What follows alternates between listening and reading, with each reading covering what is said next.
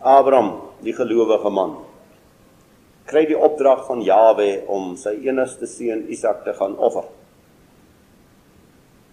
Op die pad dan hoor ek dan sê Isak vir hom vader, hier is die hout en hier is die vuur. Waar is die slagoffer? Nou wil ek so 'n bietjie dieper gaan.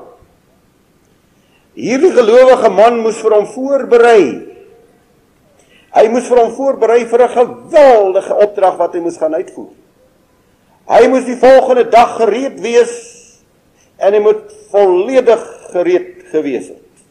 En hy's so gereed. Hy's so gereed. Hy het hom so voorberei dat hy vir Isak op die pad sê, "My kind, Jawe sal vir die offer voorsien." Hy was so korrek voorberei dat hy hierdie kind van hom wat sy liefling is op die brandstapel vasmaak. Daar is geen huiwering in sy opdrag nie wat hy moet uitvoer. Daar's geen terugstaan want hy was volkome gereed. Sy hartsgedagtes, sy verstand, sy vertroue in God sy totale vasmaak van sy lewe aan hierdie almagtige God wat hy aanbid. Alles het hy so korrek voorberei dat hy met 'n gewillige hart wandel. Dat hy met 'n voorbereide hart gereed om te doen wat hy moet doen. Dit is verskriklik belangrik dat ek en jy dit in die lewe sal weet. Ons moet ons voorberei. Nou wil ek hier iets invoeg wat baie belangrik is. Sê byvoorbeeld hier gebeur nou vinnig 'n skierlike vreeslike ding. Wat gaan party maak? Party gaan weghardloop. Party gaan in die huil raak. Party gaan heeltemal deurmekaar raak. Hulle vertel die mooi ver, verhaal toe die Titanic gesink het. Mense weet nou nie wat daar aangaan nie, maar uh, hulle vertel die mooi verhaal was daar 'n baie ryk vrou op daai skip. Sy het juwele gehad in oorvloed. En toe hulle oorboord moet spring, toe spring sy met 3 lemoene oorboord. Met niks van haar rykdom met 3 lemoene. Want wat sal 'n diamant vir jou enige waarde hê as jy dors raak op die see? Hierdie gereed wees van ons lewens is sodanig, moet sodanig wees dat ons die regte handeling op die regte oomblik uitvoer. Omdat ek deur die gees van God gereed gemaak en gereed gehou word vir enige gebeurlikheid. Daarom moet ons so saam wandel met Jawe ons Vader. Sodat die geloof wat ek van hom ontvang het 'n geloof is wat wakker is. Geloof wat nie aan die slaap raak. Geloof wat elke minuut op datum is.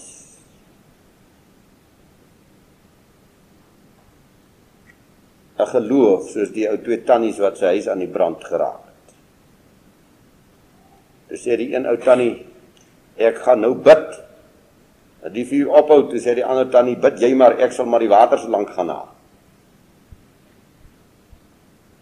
Die korrekte geloof gaan haal water op daai stadium. Die korrekte geloof bid nie op daai stadium. Nee. Verstaan julle wat ek vir julle sê?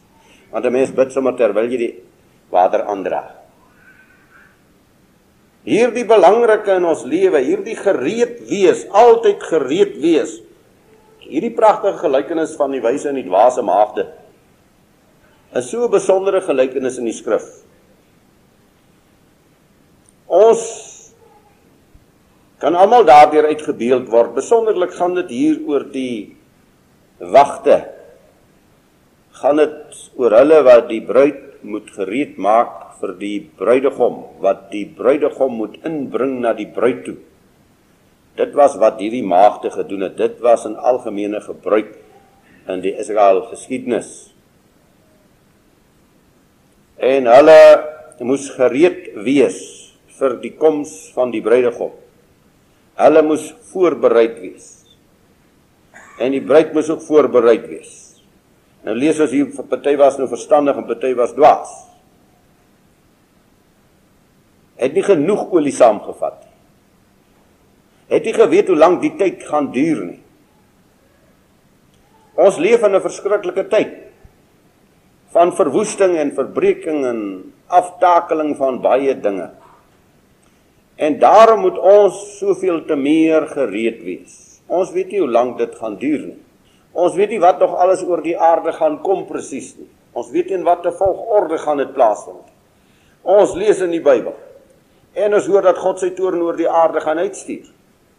As 'n mens die Openbaring boek lees, dan sidder jy van die skale en die weë wat oor hierdie aarde sal kom. Verskriklike dinge. Haalstene. Verwoestende aardbewing. Al hierdie dinge gaan kom. Wat gaan dit nou net in Suid-Afrika gebeur? Hoeveel mense gaan nog doodgemaak word in hierdie land? Hulle is nie gereed nie. Hulle is nie reg vir wat kom nie. En dit is maar ten opsigte van ons tydelike lewe. Hoe gereed is ons as hier môre hongersnood uitbreek in hierdie land? Hoe gereed is ek?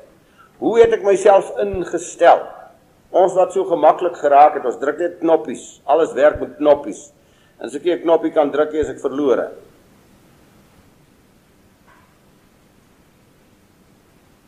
Is ons gereed vir enige gebeurlikheid?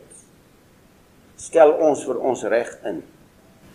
Ek het deur hierdie jaar sulke hartseer stories in hierdie terrein beleef.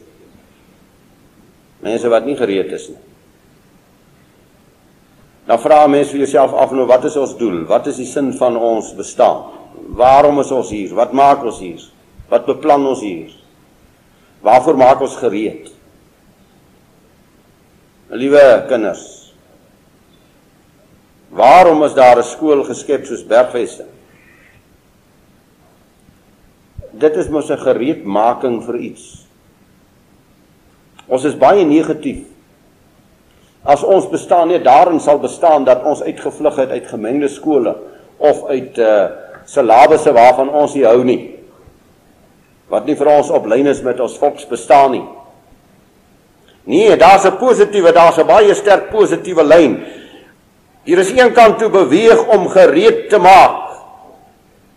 Gereed te maak om korrek op te tree. En na hierdie jaar wat julle hier was, het dit nou maar vir julle net gegaan dat ek ek moet my wiskunde deurkom of my Engels of my biologie of wat ook al. Ek moet dit nou deurkom. Nee, my liewe kind, dis nie alwaarvoor jy hier is nie. Deur hierdie hele proses van studie en van werk en van skoolmaak is jy besig om jou voor te berei. Jy's besig om gereed te maak. Gereed te maak Ja vir jou toekoms, vir jou lewe vorentoe. Maar jy's bo al besig om vir jou gereed te maak hier in jou innerlike mens met die regte gesindheid, met die regte bedoelings sodat ek korrek kan optree, sodat ek in 'n lyn kan optree. Dit is so verskriklik belangrik. En nou is julle party van julle nog klein. Dan dink jy nou wat is tog nou waar? Ag, skool gaan is tog so 'n swaar affære. Ek moet so laat opstaan, ek moet so laat eet, ek moet so laat dit, ek moet so laat dat. Dis tog so 'n rotine waarvan ek nie hou nie. Solank jy nog onder bevel is, is dit nog maklik om 'n rotine te hou. As jy jou eie baas is, dan sal jy agterkom, nê. Nee, wanneer jy jouself drywe. Wanneer jy weet ek moet opstaan en ek moet dit en ek moet dat en ek moet so en ek moet so. Anders as dit verby gereed gereed in jou gees gereed in jou denke gereed in jou bedoelinge party mense maak hulle gereed om kwaad te doen. Nê nee. die Bybel praat daar party mense maak hulle gereed. Hulle skep 'n party om hulle dronk te drink. Dis hulle gereed maak hulle maak hulle gereed vir die kwaad. Ek en jy maak ons gereed vir die goeie. Ons maak ons gereed om in hierdie wêreld te staan as ambas ambassadeurs van die koninkryk van God. As 'n gesant van Jawe. As iemand wat deur hom geroep is op 'n pad. As jy kyk na die lewensverhaal van ons verlosser toe hy vlees geword het, dan sien ons een gereed wees lewe van die begin tot die eind.